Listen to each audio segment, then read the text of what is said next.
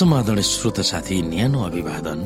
म उही तपाईँहरूका आफ्नै मित्र धनलाल राईको श्रोत साथी। आज म तपाईँको बीचमा बाइबल सन्देश लिएर आएको छु। आजको बाइबल सन्देशको शीर्षक रहेको छ स्वर्गमा दौलत थुपार्नु।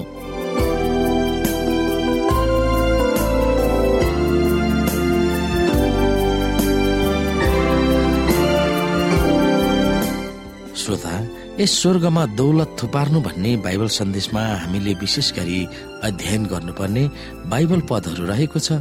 उत्पत्ति छ अध्यायको पाँचदेखि चौध हिब्रू एघार अध्यायको आठदेखि तेह्र दुई कोरन्ती चार अध्यायको अठार उत्पत्ति तेह्र अध्यायको दसदेखि बाह्र उत्पत्ति बत्तीस अध्यायको बाइसदेखि उन्चालिस र हिब्रू एघार अध्यायको चौबिसदेखि उन्तिस। र यस स्वर्गमा दौलत थुपार्नु भन्ने बाइबल सन्देशमा हामीले सम्झाउनु पर्ने पद अथवा मेमोरी गर्नुपर्ने बाइबल भर्स रहेको छ मर्कुस आठ अध्यायको पैतिस र छत्तिस। यहाँ लेखिएको छ मानिसले सारा जगत हात पारेर आफ्नो प्राण गुमायो भने त्यसलाई के फाइदा हुन्छ? अथवा मानिसले आफ्नो प्राणको सट्टामा के दिन सक्छ? श्रोता साथी संसारको उत्तम लगानी रणनीति यसुले हामीलाई दिनुभएको थियो। आफ्नो निम्ति पृथ्वीमा धन सम्पत्ति नथुपार जहाँ किरा र ती नष्ट पार्छन् र जहाँ चोरहरूले घर फरेर ती चोर्छन्। तर आफ्नो निम्ति स्वर्गमा धन सम्पत्ति थुपार जहाँ किराले वा खियाले नष्ट पार्दैन र चोरले पनि चोर्दैन। अनि लगानी रणनीतिलाई यो भनेर टुङ्ग्याउनु भएको थियो किनकि जहाँ तिम्रो धन हुन्छ त्यही तिम्रो मन पनि हुन्छ। मती छ अध्यायको एक्काइस पद। सफासँग भन्नुपर्दा तपाईँले पैसा कहाँ खर्च गर्नुहुन्छ सो मलाई देखाउनुहोस्। अनि तपाईँको मन कहाँ छ सो म देखाउनेछु। किनकि जहाँ तपाईँले पैसा राख्नुहुन्छ त्यहाँ तपाईँको मन पनि हुन्छ।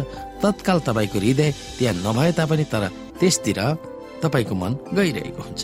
श्रोता साथी कि परमेश्वरको राज्यको निम्ति हृदय भएको तपाईँ चाहनुहुन्छ?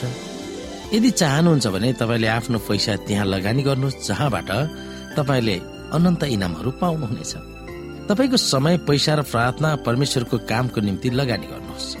यदि गर्नुभयो भने तपाईँ त्यस कामको निम्ति अझ चासो बढाउनुहुनेछ अनि तपाईँको दिल पनि त्यहाँ जानेछ।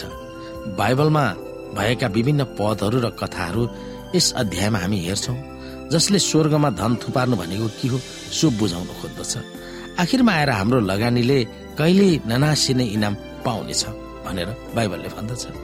श्रोता साथी हामीले स्वर्गमा दौलत थुपार्नुको अर्थ जेबाट हामी आमदामी गर्छौँ अथवा रुपियाँ पैसाहरू कमाउँछौँ त्यो परमेश्वरको निम्ति हामीले अथवा हाम्रो निम्ति परमेश्वरको घरमा हामीले राख्नु पर्दछ। त्यो राख्ने कसरी भनेर हामीलाई दुविधा हुन सक्छ। श्रोता साथी हामीले संसारमा रहेका दुखी गरिब असहाय अपाङ्गको निम्ति अथवा परमेश्वरको सुसमाचारीय कामको निम्ति जे जति खर्च गर्छौँ जे जति हामीले लगानी गर्छौँ त्यो हामीले स्वर्गमा धन पार्दछौ स्वर्गमा हामीले पर्याप्त धन सञ्चय गर्नको निम्ति हामीले हाम्रा वरिपरि भएका छिमेकीहरू समस्यामा परेकाहरूको निम्ति हामीले उद्धार भाव राख्नु पर्दछ। जबकि एकजना मानिस आफ्नो छिमेकीमा अप्ठ्यारोमा परिरहेको छ समस्यामा छ उसको कुनै सहायता गर्ने मानिसहरू छैनन्। तब तपाईँ र मैले उसको निम्ति सहायता गर्न सक्छौ र उसको समस्याबाट हामी उसलाई निकाल्न सक्दछौँ। चाहे त्यो खर्च गरेर होस् चाहे त्यो हाम्रो हृदयबाट होस् त्यो नै हाम्रो स्वर्गको निम्ति पर्याप्त हुनेछ। जबसम्म बाइबलमा हामी हेर्दछौँ भने संसारमा रहँदाखेरि हामीले के गर्नुपर्छ भनेर बाइबलले हामीलाई भन्दछ। कि उहाँले भन्नुहुन्छ ए घृणित मानिस हो तिमी मबाट दूर हो। किनकि म संसारमा भएकै थिएँ तिर्खै थिएँ तिमीले मलाई खाना दिएनौ। म झ्यालखानामा थिएँ तिमीहरूले मलाई भेट्न आएनौ। जहाँ म समस्यामा थिएँ तिमीहरूले मलाई वास्ता नै गरेनौ। तिमी स्वर्गको लायकको छैनौ भनेर भन्नुहुनेछ। र एकपट्टिका जम्मालाई भन्नुहुनेछ कि तिमीहरूले म संसारमा हुँदा म भोकाएको थिएँ तिर्खाएको थिएँ मलाई खान दियो पिउन दियो। म ज्यालखानामा थिएँ मलाई छुटाउन आयो। म समस्यामा थिएँ बिरामी थिएँ। तिमीहरूले मेरो निम्ति प्रार्थना गरिदियो। तिमीहरू स्वर्गको भागीदार हुनेछौ। जो जतिले उहाँको निम्ति केही गरेनन् उनीहरूले सोध्ने छन् कि प्रभु तपाईँलाई हामीले कहिले देख्यौँ? र तपाईँ कहिले भकाउनु भएर हामीले दिएनौँ? त्यतिखेर परमेश्वरको जवाफ हुनेछ कि संसारमा भएका मानिसहरूलाई तिमीहरूले जे जति गरेनौ त्यो मेरो निम्ति गरेनौ। र संसारमा भएका मानिसहरूलाई तिमीहरूले जे जति गर्यौ त्यो मेरो निम्ति गर्यौ। परमेश्वरको जवाब यही हुनेछ। यिनै कुरामा हामीले विचार पुर्याउनु पर्दछ।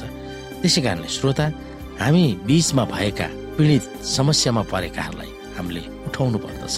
हामीले उहाँहरूको निम्ति पूर्ण रूपमा परमेश्वरमा आशिषित भएर काम गर्नु पर्दछ। यिनै कुराहरूबाट हामी परमेश्वरको महिमा गर्न सक्दछौँ र यिनै कुराहरूबाट हामी स्वर्गमा हाम्रो धन दौलतहरू थुपार्न सक्दछौँ।